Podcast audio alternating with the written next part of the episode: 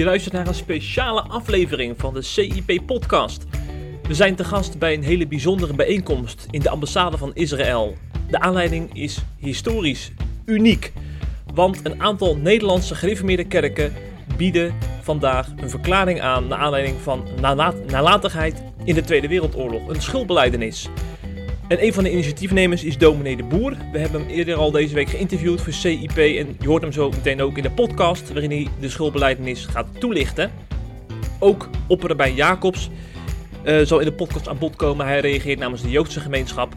En ChristenUnie-Kamerlid Eppo Bruins komt ook nog even aan bod. Luister nu eerst naar een fragment uit het Family 7 programma Uitgelicht, waarin dominee de Boer een gedeelte van de schuldbeleidenis hardop voorleest. We erkennen dat onze nalatigheid het volk betrof, waaraan een blijvende bijzondere positie is toevertrouwd in de geschiedenis van Gods heil. We zijn nalatig geweest toen om ons heen Joodse medeburgers werden opgepakt en afgevoerd. En wij hebben dat laten gebeuren. We zijn nalatig geweest toen opgejaagde Joodse medeburgers bij ons een schuilplaats zochten en wij onze huizen voor hen gesloten hielden. We zijn nalatig geweest toen Joodse families hun in de oorlog ondergedoken kinderen weer kwamen ophalen en wij hen, hun kinderen, niet meer wilden afstaan. Het is ons gebed dat God ons onze tekortkomingen vergeeft, onze schuld verzoent en onze harten vernieuwt. Mogen Gods geest ons verlichten om in onze dagen moedig het kwade te weerstaan, waar het zich manifesteert in antisemitisme en vreemdelingenhaat, opdat wij niet opnieuw nalatig zullen zijn. Wij verootmoedigen ons tegenover de Joodse gemeenschap van onze dagen. En nu hebben we hier dominee de Boer, predikant van de Christelijk Gereformeerde in Sliedrecht. En natuurlijk ook uh, betrokken bij deze schoolbeleidnis. U bent woordvoerder uh, namens initiatiefnemers in de media. Ik heb u in het Reformatorisch Dagblad gezien en ook uh, bij ons op PCIP om deze verklaring toe te lichten. Kunt u dat ook nog eens voor onze luisteraars doen? Waarom is deze schoolbeleidenis nodig namens de kerken in Nederland? Dat is om drie redenen nodig. en ik begin eigenlijk maar bij de laatste reden, dat is vanwege de actualiteit nodig. we zien allemaal in, in West-Europa en in ons land toenemend antisemitisme. dat baat zorgen dat raakt allereerst het Joodse volk. Maar ik citeer nu een uitspraak van een goede bekende uit Jeruzalem van me. Die zei een paar keer tegen mij: Wij staan vooraan en jullie staan net achter ons. En dat bedoelde met jullie de christenen. Ik denk dat hij gelijk heeft. Ja, als het Joodse volk het recht om bestaan wordt ontzegd in onze samenleving, dan gebeurt dat ook met de christenen. Dus dat is de eerste reden. De tweede reden is, als we terugkijken op ons verleden, wat hebben wij als christenen het Joodse volk aangedaan in onze Nederlandse geschiedenis? En ik haast me te zeggen dat er onder de christenen verschillende waren die in de oorlog en na de oorlog zich ontfermd hebben over het Joodse volk. Dat geldt ook mensen uit mijn eigen voorgeslacht. Maar als je kijkt over de hele linie van het kerkelijk leven toen, waren gezaghebbende predikanten die ehm, eigenlijk het Joodse volk in de steek hebben gelaten. Ja, u verwees naar die predikant in Harderwijk waar ik zo van schrok net. Ja. Kunt u dat nog eens toelichten? Want dat is een heel aansprekend voorbeeld ook voor onze luisteraars. Ja, ehm, ik ben zelf in Harderwijk opgegroeid. En in de oorlogse tijd heeft er in Harderwijk een predikant gestaan die behoorde tot een van de kerken die ook deze schuldverklaring hebben ondertekend. En na de oorlog kijkt hij terug op die periode van toen. En hij vertelt dan dat net voordat een Joods gezin werd weggevoerd naar de kampen en uiteindelijk naar het oosten, naar de concentratiekampen. Mijn moeder bij hem aanklopte, helemaal overstuur was en hem in de ogen keek en de vraag stelde: staat, Klopt het dat in uw protestantse Bijbel staat dat dit onze schuld is, dat wij Joden gestraft worden? En het antwoord van die predikant was: Hij zei ja, dat klopt. Want jullie hebben bij de kruisiging van de Heer Jezus geroepen: Zijn bloed komen over ons en over onze kinderen. En daarom straft God jullie nu. Ongelooflijk. Tegelijkertijd vertelde hij aan die vrouw, en nu citeer ik hem ook, dat er voor Jood en Heiden redding is door de heiland die gekomen was. Nou, het gaat me eigenlijk om die combinatie. Dat je ja. en als predikant erkent eh, wat deze Jodin tegen hem zegt, dat dat klopt. En vervolgens in alle oprechtheid nog het evangelie wil brengen aan het Joodse volk. Daar zit de crux, ook voor vandaag de dag. Latent antisemitisme, kan ik dat zo noemen? Nou, dat vind ik uh, een stap te ver. Hm. Uh, het geeft in ieder geval wel ruimte tot antisemitisme. Uh, als je aan die predikant zou zeggen, je bent een antisemiet, dan zul je dat stellig ontkennen. Maar hij maakt wel een belangrijke foute theologische keus. Door ervan uit te gaan dat het volk Israël ja. als volk van God niet meer bestaat. En dat het evangelie dus alleen nog maar toevertrouwd is aan ons christenen. Dat klopt hij net niet. En als je die band met Israël doorsnijdt, dan zaag je eigenlijk ook de tak door waar je als christenen op zit. En dan mis je de aansluiting met het Joodse volk, maar ten diepste ook met het verbond dat God met Israël heeft opgericht. Dus om die reden is deze schuldverklaring van vanmiddag ook belangrijk. Wij beleiden onze verbondenheid met het Joodse volk. En dat betekent dat we in deze tijd naast hen staan, met hun lijden, maar ook de verplichting hebben om hen te beschermen in onze Nederlandse samenleving. Ja, ja. U had drie redenen. Dit waren de drie? Of mis ik er nog één? Nou, de derde reden, en dat klonk vanmiddag heel nadrukkelijk door in, uh, in de schuldbeleidenis, is dat wij beleiden dat we heel veel hebben nagelaten. En het aangrijpende is, en dat klonk ook tussen de regels door van deze schuldbeleidenis, is dat we niet met opzet hebben nagelaten, maar vanuit naïviteit. En naïviteit kan heel gevaarlijk zijn. Dat heeft de geschiedenis ook bewezen, ook de periode 40-45. Vanuit naïviteit heeft men toen gehandeld. En dat is ook een spiegel waar ik nu als jonge predikant en als theoloog in de kerk ook in kijk. Wat zou ik uit naïviteit, onoprechte onkunde of oprechte onkunde nu laten? Ik hoop dat ik niet de enige ben die steeds die vraag aan mezelf stel. Hè, en dat ook in het gebed bij de Heer leg. Of Hij me wil bewaren voor fouten die ik in oprechtheid doe, maar die desastreuze gevolgen kunnen hebben. Hm, hm, juist. Zeg, uh, u had net uh, bij, bij de verklaring die werd voorgelezen, merkte ik ook in u dat het nogal indruk bij u uh, maakte. Want merk ik trouwens ook bij Opperbijn Jacobs en bij andere aanwezigen kunt, kunt, wat, wat, voor, wat merkt u aan de sfeer zeg maar, die er hing toen, toen de verklaring werd voorgelezen? Uh, ik sta er net na. Ik vind het heel moeilijk om dat te verwoorden, wat allemaal door me heen gaat. Uh, aan de ene kant een hele zware, beladen sfeer. Dat kwam denk ik ook door, de, door wat er allemaal gezegd werd. Het riep bij mij persoonlijk ook heel veel op. Um, je ziet al lezend of al luisterend gezichten langskomen, ook van, van je voorgeslacht. Mensen die je goed gekend hebt en die de oorlog hebben meegemaakt. Uh, dat kwam ook allemaal boven. Tegenover mij zat uh, Rabijn Jacobs, mijn vriend. Ja, ze, ze, noemt hem echt uw vriend? Ja, zeker. Ja. En al luisterend dacht ik op een gegeven moment wel van... Uh, ik heb hem nog niet gesproken, dat komt dan wel. Maar wat gaat er nu door je heen? Mm -hmm. Ja. Ja, hoe, land, ja, hoe landt dit bij hem?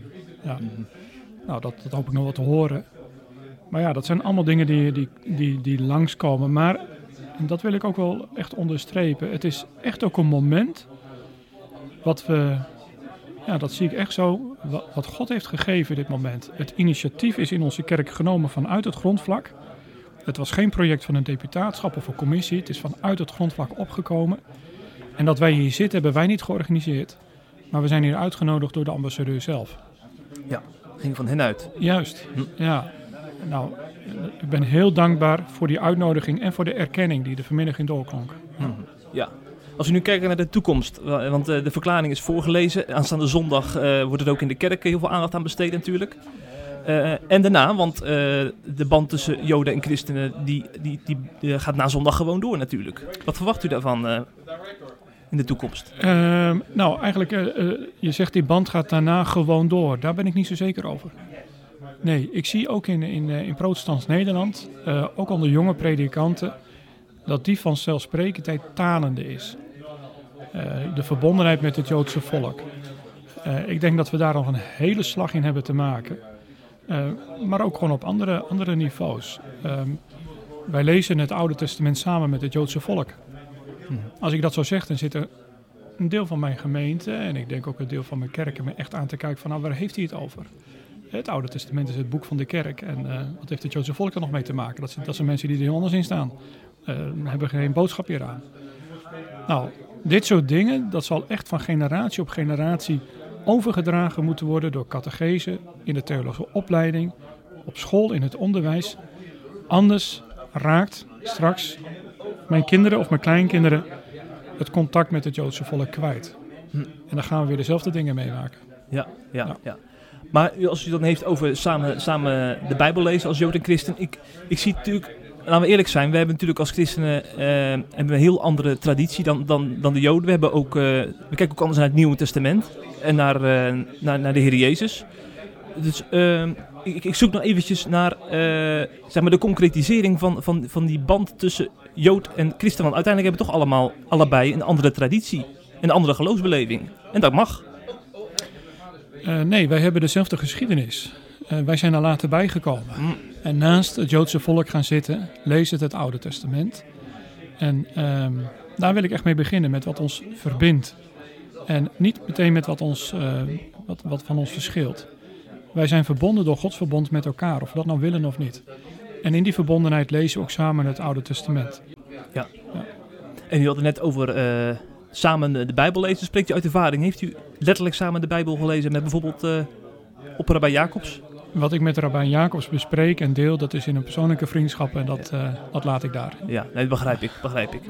Maar ga ervan uit dat iedere Jood die mij ziet komen en weet dat ik ben predikant, ook meteen weet wie mijn meester is. Ja, precies. En het, het besef dat wij broers zijn, dat is natuurlijk ook een belangrijk uitgangspunt, hè? Ja, Dat- zeker. Ja, want dan, Ja. Dan, dan is er altijd verbondenheid. Zeker. Ja. En dat wordt van de andere kant niet ontkend. Nee, nee, Nee. dat is wel duidelijk. Ja. Zeg dominee, eh, bedankt voor uw tijd. Ehm, u gaat zondag natuurlijk ook aandacht besteden in de kerk hieraan. Ja. Gaat u dan de verklaring voorlezen? Hoe moet Ja, daarbij voorstellen? Oké, Ja. Dus de kerkraad heeft besloten om de verklaring ongewijzigd voor te lezen. oké. En eh, dat zal dus ook in de avonddienst gebeuren. Ja, Ja, s morgens hebben we dopen, dus kijk. Ja. Ik zou zeggen alvast een eh, goede zondag toegewenst. bedankt. Opper Rabijn Jacobs. Dit is voor het eerst dat we een Jood te gast hebben in de CIP-podcast. Ja, dat wil ik toch even genoemd hebben. We ook in de Joodse gemeenschap komen als CIP. En u heeft eh afgelopen periode ook wat dagboeken geschreven hè, voor CIP. Wel een paar, ja, Ja. voor een paar maanden lang, denk ik. Ja, ja. En nu loopt er een hele spannende serie, begreep ik. Ja. Met, met Rick Bokelman, onze eigenaar. Ja. En Wij, wat... wij kennen elkaar uit het verleden, we hebben elkaar ontmoet, wij waren samen in Israël. En toen eh, kwam hij eens op het idee van, eh, ja, laten we samen eens dingen gaan doen. En dat heb ik toen genoemd de Rick en Rap Show. En uiteindelijk is het voortgekomen dat we nu Rap en Rick Ja, uit de Torah, de, de Sidra van de week, het deel wat de tekst in alle synagogen ter wereld op het Shabbat wordt gelezen, dat de week daarvoor we drie gedachten brengen uit de Sidra, uit die tekst. Hmm. En ehm, dus achtergronden, iets waar je mee levenslessen. En dan komt Rick met zijn directe vragen, dat hij er of niks van snapt of belachelijk vindt. En dan mag ik erop antwoorden. ja, ja, ja. Maar dat is wel goed, want hij, hij, hij, het, is een, het zijn hele eh, ja, brutale vragen. En dat bedoel ik, Hmm. dat bedoel ik positief. Ja. Hè, op een gegeven moment, hè, meneer Jacobs, u zegt de wereld bestaat eh 5781 jaar, maar dat gelooft u toch echt niet, hè? Mhm, mhm. Ja, nou ja dus, maar dan... En zo gaat dat dus. En tussen de bru- brutale vragen van Rick door eh, is ook nog eens iets tijd voor het lezen van een verklaring. Hè? Want we, hebben, we zijn natuurlijk niet voor de Rick en Rap Show. We zijn natuurlijk voor de schuldbelijdenis van de gereformeerde kerken. Die zijn eh, voorgelezen zojuist. En ehm, ik ben even benieuwd eh, om eerst even bij, de- bij de sfeer te blijven. Ik, ik merkte een beetje dat, dat, het- dat er nog wel wat emotie opriep. Zowel bij de kerken als ook bij, volgens mij ook bij u. Er was niet niks wat er werd voorgelezen. Laten we daar eens Nee. mee beginnen. Precies. Ja, eh, ik, ik had de verklaring al gezien, Ja. de beleidenis. En eh, maar als dan wordt uitgereikt, dan is hij er echt dus. Ja, ik vind dat, eh, het, het, het, het, eh, het is goed. Ja, ik heb er andere woorden voor, het is goed. Hm. En eh, ja, goed, ik, iedereen heeft dan zijn mening erover. En die is, eh, een collega van mij heeft geschreven, een goede vriend van me trouwens, dat eh, hoe kunnen wij nou vergeven namens onze ouders. Maar we gaan helemaal, er wordt helemaal geen vergiffenis gevraagd. Dat is een misverstand, hè? Die mensen die dat denken. Ja, want er- Daar, is- er wordt helemaal niks gevraagd. Er wordt gezegd, wij als kerk, ja, als we de geschiedenis in kijken, kijk wat er gebeurd is. Het is eigenlijk dat die eh schuldbeleidenis een soort spiegel is. Wij kijken terug, maar natuurlijk niet naar ons, ons als persoon. Want, want de mensen hier aanwezig, allemaal van na de oorlog. Je kan kinderen niet aansprakelijk stellen voor eventuele fouten van hun vader. Nou, als je kijkt naar Pieter de Boer, eh, die komt uit een, uit een gezin van verzetsmensen. Nou, dan kan je zeggen, waarom, wat, waarom zit hij dan te beleiden? Hij zit hier niet als Pieter de Boer, hij zit hier niet als zichzelf, We praten over de kerk door de eeuwen heen. En dan zijn er dingen niet goed gegaan. En dat is, eh, er is een klimaat gecreëerd, zoals het werd vermeld ook. Dat eh, ja, kan leiden tot antisemitisme en ook geleid heeft tot antisemitisme door de eeuwen heen. En dat, dat, dat, dat werd dus hier gezegd, dat, dat is niet goed en daar moeten we van af. En dat moeten we verder voorkomen. En dus gaan we samen strijden tegen dit soort, eh, ge- dit, dit soort eh, ja, verkeerde gedachten binnen de samenleving. Ja, ja. En dat is goed om dat te horen. Maar hoe belangrijk is het nou dat zoiets echt concreet wordt voorgelezen? Want eh, ik weet dat u ook goede contact heeft met christenen voor Israël. Dus u weet dat er heel veel christenen in Nederland zijn met het hart op de goede pla- plaats. En ook met het oog voor, voor Israël en het Joodse volk. Ja. Dat wist u al, ook voor de verklaring. Nou, dat is niet helemaal waar natuurlijk. Ja, ik weet dat wel, maar ik weet ook tegelijkertijd dat er ook binnen de christelijke gemeenschap veel tegenstand is tegen christen voor Israël. Ook in 2020. Ik praat over 2020, niet Hmm. over, over 1550. Toen bestonden ze nog niet. Dus, de, de, de- ja, je moet... Kijk, er wordt niet gevraagd aan de christenen om hun geloof overboord te gooien. Helemaal niet. Er wordt wel gevraagd om toch serieus na te denken van... Wat is er gebeurd? Wat hebben we misschien anders moeten, eh, mee, mee om moeten gaan? En eh, wat zijn de gevolgen dan van? En ik denk dat dat een goede zaak is. En dat dat, dat niet zomaar eventjes gezegd kon worden. Ik ben ervan overtuigd deze verklaring, ieder woord is gewogen en gewikt. En, en, en dit wel zeggen zus en niet zeggen zo. En je moet ook niet op een gegeven moment je eigen, ge- je eigen geloof, het christelijke, overboord gooien. Dat is ook niet gebeurd. Maar je mag wel kijken, wat, wat heeft ertoe geleid binnen ons denken... dat dat en dat ja, een, een, een bodem heeft gemaakt... waarop antisemitisme kan, eh, kan bloeien. En natuurlijk zijn er zeker, ik, kijk naar mijn eigen ouders. Ja, mijn mijn moeder dan, ja, die, is, die heeft vele onderduikadressen gezeten. En zeker ook bij, bij, bij gelovige christelijke mensen. Maar ja, hé, ik ben opgevoed met een chronisch respect voor niet-Joden. Want mijn moeder, ik praat dan even niet over mijn vader. Niet omdat mijn vader iets mis is, maar die is helemaal niet zo goed geweest, geen goede tijd gehad in de oorlog. Mijn moeder natuurlijk ook niet, maar relatief wel. Mhm. Want zoals bij mensen die, die hij wilde redden, mijn vader ligt anders. Dus ik ben opgegroeid met respect voor die mensen die mijn moeder hebben gered met gevaar voor eigen leven. Sommigen straatarm, straatarm. Maar ja, dan word je ouder. En dan denk je, verhip, maar die 80% van mijn familie, die, die is vermoord door Nederlanders. En eh, verraden. En eh, met hun kinderen samen. Dus dat- die zijn er niet om boos te worden of geïrriteerd te raken. Want die zijn totaal weggevaagd. Dus, eh, ja, en, dan- dan, dan, heb je dus ook dat... eh, toch als, als ik in, in, in het buitenland kom, bij Joodse gemeenschap, Israël met name. Nederland, oh, alle Joden zijn gered. Nou, nee dus. 80% van de Nederlandse Joodse gemeenschap is vermoord. En dan kunnen we alles gaan afschuiven op de Duitsers. Maar het was de Nederlandse politie die de Joden uit de huizen haalde. Daar was het ook zo goed dat koning Willem-Alexander gewacht maakte van zijn, overgrootmoeder. Eerder dit jaar, wat deed hij dat? Ja. ja. Op de Dam. Eh, enorm moedig. ja. maar- Dus staat er een beetje in het verlengde van dan? Nou, dat weet ik niet helemaal. Er wordt wel steeds gezegd dat dat het begin was en daarna dan heb, je, heb je Rutte ook nog gehad. Ja. En dan da- daaruit voortkomend, ik weet niet of je dat zo kan zeggen. Ik denk dat het toch al wel al leefde in de kerk Ja. om eh, ja, terugblikken en ja, hoe kunnen wij toch aangeven dat wij dat willen voorkomen? Ja, maar waar, waar ik toch benieuwd naar ben, ik ben altijd een beetje bang dat, eh, dat het bij een verklaring blijft. Hè? Want er zijn natuurlijk net foto's gemaakt Ja. en we hebben mooie woorden gesproken. Maar uiteindelijk eh, hopen we dat het nog een 2025 en een 2030 is.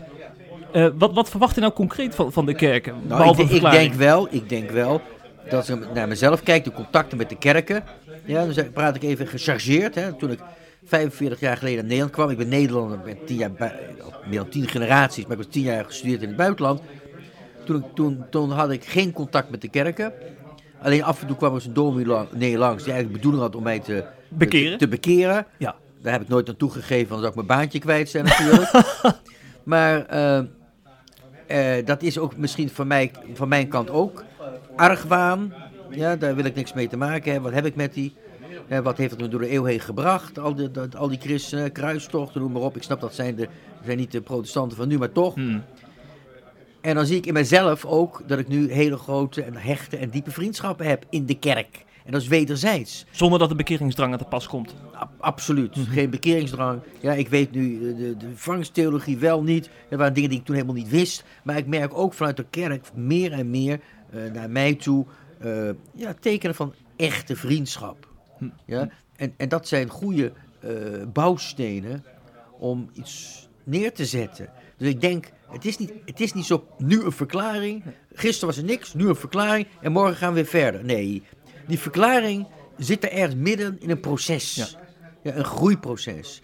En eh, dat, eh, dat is iets wat. een- dat is een ontwikkeling. Ja, ik, ik, misschien. De verklaring is geen verklaring. De verklaring is een teken van een ontwikkeling.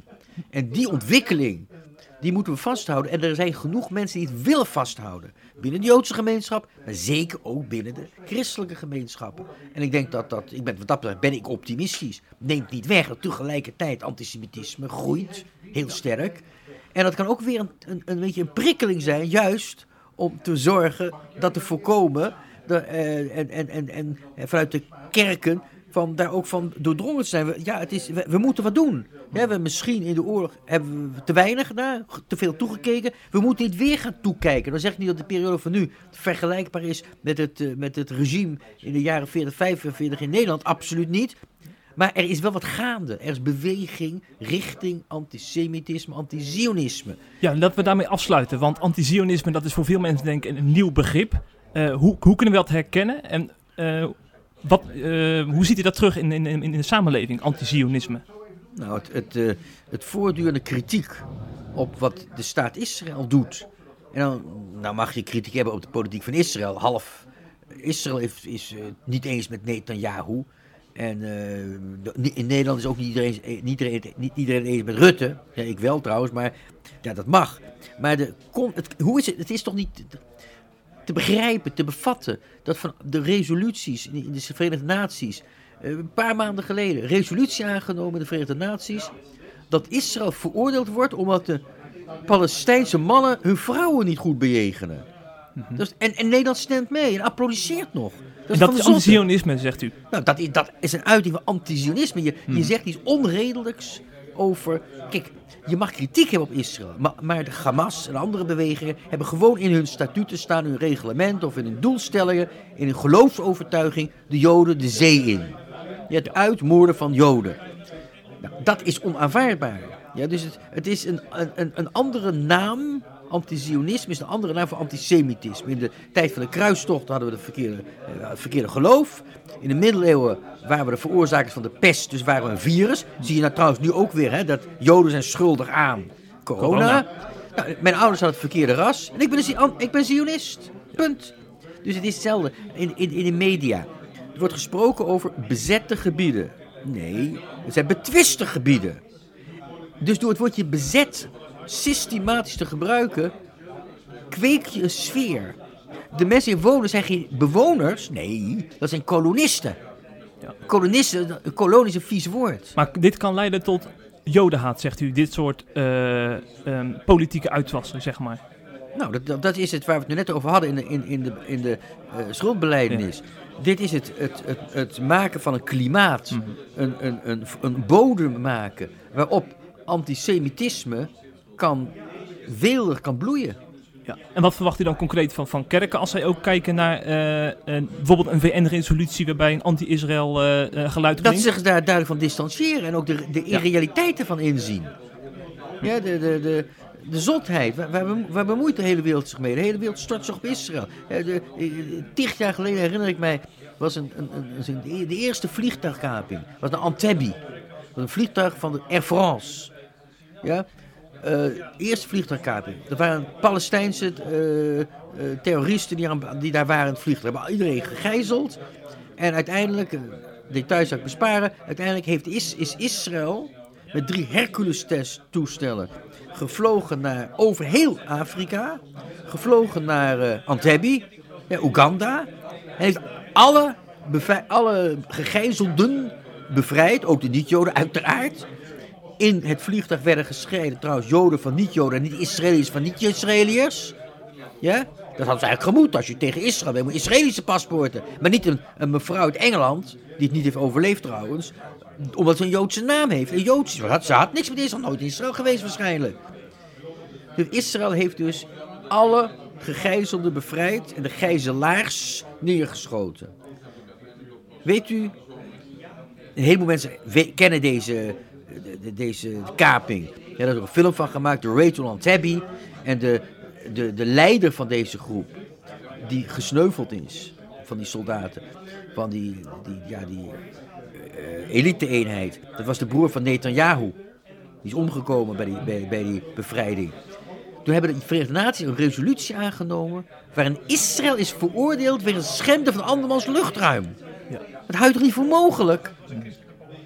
Dus, en, en als ik dat dan lees, want ik als christen denk dan soms, ja, ik haal dan mijn schouders op, want dan heb je de VN weer. Maar je moet juist niet zwijgen, is dus eigenlijk de boodschap. Nee, toch? want de VN heeft uitstraling. Ja, Ook naar Nederland. Want Nederland stemt dus mee, hè? Dus dan, dan is het niet ver weg in New York of in Washington. Het is hier. ja, Ja, onze mensen stemmen mee. Nou, dat, en dat stemmen heeft te maken met een stemming. Ja, en die stemming, daar moeten we voor waken. Dat dit niet de verkeerde kant op gaat. En die is de verkeerde kant aan het opgaan. Het is voor de zotte dat mijn huis beveiligd wordt. Gewoon mijn privéhuis. Er zijn politiecamera's om mijn huis. Dat moest van de politie. Ik word bij geroepen bij officier van justitie. U moet beveiliging. Nou, schattig, lief, geweldig dat ze zo goed voor mij zorgen. Maar het is van de zotte. zeker. Van de zotte. Ja, ja. Nou, opperrabijn, ik mag namens veel CIP-lezers eh, spreken dat, ze- dat we hopen dat u nog heel lang eh, in gezonde eh, omstandigheden onder ons blijft. Want dan kunt u nog veel columns schrijven voor CIP. En ook natuurlijk eh, afleveringen voor eh, de Rick en Rap Show maken. Ja, om en Rick bezig te houden. Ook, zeker. In ieder geval bedankt voor uw toelichting op eh, de schoolbeleidnis van de kerken. Graag gedaan. Voor mij zit Eppo Bruins, Tweede Kamerlid namens de ChristenUnie. Wat, wat is jouw reactie, eh, Eppo, op deze verklaring? Het was indrukwekkend en ontroerend. En ik ben heel blij dat ik erbij ben geweest. Eh, bijzonder dat in de verklaring eh, niet alleen zeg maar, de, de nalatigheid in de oorlogsjaren en ook daarna te sprake is gekomen, maar ook is gesproken over de mensen met moed. En heel bijzonder dat de kerken hebben verklaard dat er een blijvende, bijzondere positie van het Joodse volk is in Gods plan. En dat vind ik in de kerkgeschiedenis echt een heel bijzonder moment om dat hier te mogen horen en te mogen meemaken. Ja, ja, zeker. Waarom leg je de nadruk op blijvend? Nou, eh, we hebben natuurlijk ook in het verleden wel gezien dat de kerk ehm, zichzelf zag als ja, de, de, de vervanging van, van Gods volk. En als je dan toch als kerken nu erkent dat er een blijvende bijzondere positie is voor het Joodse volk, hoe dat dan ook precies in elkaar zit, hè, we weten allemaal niet precies wat het betekent om op de edele olijf geënt te zijn, maar die edele olijf die is er en die is blijvend edel. En dat is ja, bijzonder om mee te mogen maken en dat eh, te mogen horen hier in de Israëlische ambassade in Den Haag. Ja, ja, zeker. Zeg, je, zit met een, bent natuurlijk actief in de politiek namens de ChristenUnie. En eh, ik zag dat je collega Joel Voerdewind zich deze week al druk gemaakt over eh, de naamsverandering van de Tempelberg. Hè? Ja. Die nu Ja, zeker. Islamitische naam gaat die krijgen. rare fratsen van de Verenigde Naties. Ja. Ja, ja. Opperrabijn Jacobs die, maakt, die windde zich enorm op. Eh, die noemt dit anti-Zionisme. Eh, is, het dan, is het dan ook de taak van christenen om zich over dat soort eh, resoluties druk te maken? Ja, daar ben ik van overtuigd. De antisemitisme is door de eeuwen heen in allerlei vormen zichtbaar geworden en, en, en naar boven gekomen. En je ziet in onze tijd dat antisemitisme in de vorm van anti-Zionisme telkens weer naar boven komt. En dan wordt gezegd van, ah, we, hebben niks tegen Joden, maar we hebben wat tegen, tegen het beleid van de Israëlische politiek. Nou, kritiek op, op, op politici moet je vooral hebben hoor, dat is prima. Maar ten diepste zit daar heel vaak een gevoel onder dat de staat Israël als Joodse staat niet mag bestaan. En als je gewoon niet wil erkennen dat Joden recht hebben op een eigen veilige plek in deze wereld, dan is anti-Zionisme gelijk aan antisemitisme. En dat zit er toch heel vaak onder. En dat wordt dan politiek correct een beetje weggepraat. Maar als je dan door, doorpraat, heeft men toch gewoon probleem met het bestaan van de Joodse staat. En dat vind ik kwalijk. En daar hoor, hoor- vind ik dat we als christenen ons moeten laten horen. Ja. Eh, in hoeverre geeft deze ver- verklaring nou nog huiswerk mee aan de politiek? Moet, moeten jullie hier nog iets mee? Nou, we hebben, we hebben een heel bijzonder jaar achter de rug. Wat in januari is begonnen met premier Rutte, die namens de overheid heeft gesproken, het ambtelijk apparaat. Uh, in, op 4 mei hadden we de koning, die over zijn familie, over zijn overgrootmoeder sprak. En nu de kerken. Uh, en dan heb je wel een hele mooie drieslag in dit, in dit jaar gehad. Um, maar het is eigenlijk allemaal begonnen vorig jaar juni, toen we als politiek in de Ridderzaal een grote bijeenkomst hebben gehad met 450 internationale gasten, waar wij schuldbeleidenis hebben gedaan voor alles wat er in de oorlog is gebeurd. En daar hebben Gert-Jan Segers en Kees van der Staaij hebben daar ook gesproken namens de Nederlandse politiek en de, en de partijen. Uh, en dat, dat uh, ik zie ook de bijeenkomst van vandaag wel als een stroom van zegen die vanuit die ridderzaal is voortgekomen. Uh, via Rutte, via de koning en nu de kerken. Uh, en dat, dat is toch al heel mooi wat er zo in ons land gebeurt, wat er is losgekomen. Ja. Over een stroom van zegen gesproken, zag ik nou pas dat je in, uh, in de Tweede Kamer een aanbindingsbijeenkomst had. Uh, ja, zeker. Uh, ja, ja, ja, er wordt heel veel gebeden in de, in de Tweede Kamer. En we hebben gebedsgroepen om ons heen die ook om het gebouw heen lopen, maar die ook binnen zijn en op de publieke tribune zitten. En vanaf de tribune ons zegenen. Ze zitten achter ons op de publieke tribune. Dat is heel bijzonder. En op vrijdagavonden is op dit moment een aantal weken achter elkaar een gebeds- en, bijeen, gebeds- en aanbiddingsbijeenkomst van Wim Hoddebach van Stichting Presence. En dan is iedere vrijdagavond en dan wordt er gezongen. En uh, ja, we mogen er niet mee zingen, nee. maar ja. vanwege corona. Maar dan wordt er gebeden en er wordt gezongen. En dat zijn heerlijke avonden. En die zijn in de zaal waar premier Rutte smiddags de, de, de persconferentie geeft. In diezelfde zaal wordt dan s'avonds een aanbiddingsbijeenkomst georganiseerd. Dat is echt geweldig. Ja, ja. Volgens mij heb je ook in een column van CIP heb je er ook uh, ja. over geschreven. Ja, hè? ik heb laatst erover ja. over geschreven. Ja. ja. Nou, en wie weet gaat je volgende column wel over deze verklaring en over uh, onze houding ten opzichte van het Joodse volk. Dankjewel. Mag je dan, uitdagen? dan hoef ik geen onderwerp meer te bedenken. Ben ik helemaal blij. Dankjewel. Ja. Nou, we zien er naar uit, Eppo. super. Bedankt voor je bijdrage. Dankjewel. Ik sta hier met André Diepenbroek namens de ambassade. Uh, ik heb net in de podcast uh, onder andere dominee de Boer laten horen en uh, Rabijn Jacobs. Ja. En we waren bij jou in het pand, hè? Ja, klopt. Ja, dat is eigenlijk natuurlijk een beetje een bijzondere plek voor kerken. Want je, je vraagt je natuurlijk af, wat doen die dan in een ambassade? Wat eigenlijk, ja. nou ja, laat ik zeggen, een vertegenwoordigend instituut van een staat is. Een politiek instituut. Nou ja, hebben, we hebben daar ook wel, uh, we werden benaderd. De, we werden gevraagd van, willen jullie uh, erbij betrokken raken? Door de kerk een beetje gevraagd? Ja, en, daar hebben we, en, en door Rabijn, uh, op Rabijn Jacobs. Eigenlijk dus van twee kanten, de Joodse en de, en de kerkelijke kant. Dus toen hebben we gezegd, nou ja, jullie zijn van harte welkom. Maar de reden sprak ons ook wel aan dat ze zeiden van ja, we willen eigenlijk... Uh, het is een verklaring die we afleggen richting het Joodse volk eigenlijk. En de Joodse gemeenschap in Nederland, dat is Rabijn Jacobs. We hadden ook nog oorspronkelijk Rabijn Zoeterdorp erbij, maar door ziekte is hij uitgevallen. Maar eigenlijk het, de vertegenwoordiger van het Joodse volk is dan toch eigenlijk wel Israël. Mm-hmm. En in Nederland is dat de ambassade van Israël. Ja, dus vandaar dat we daar waren. Ja. ja. En hoe, hoe uh, uniek is het dat daar een, een dominee zit, een verklaring voor te lezen tegenover een opperrabijn en de ambassadeur van Israël? Volgens mij is dat nog nergens gebeurd. Nee, toch? Ik, ik heb ook even zitten kijken, want uh, ja, je bent gewoon benieuwd eigenlijk van ja, als dit een soort trend is, nou ja, dan is het niet meer zo uh, bijzonder. Maar dit is nergens gebeurd volgens mij, op nee. deze manier. Nee, nee.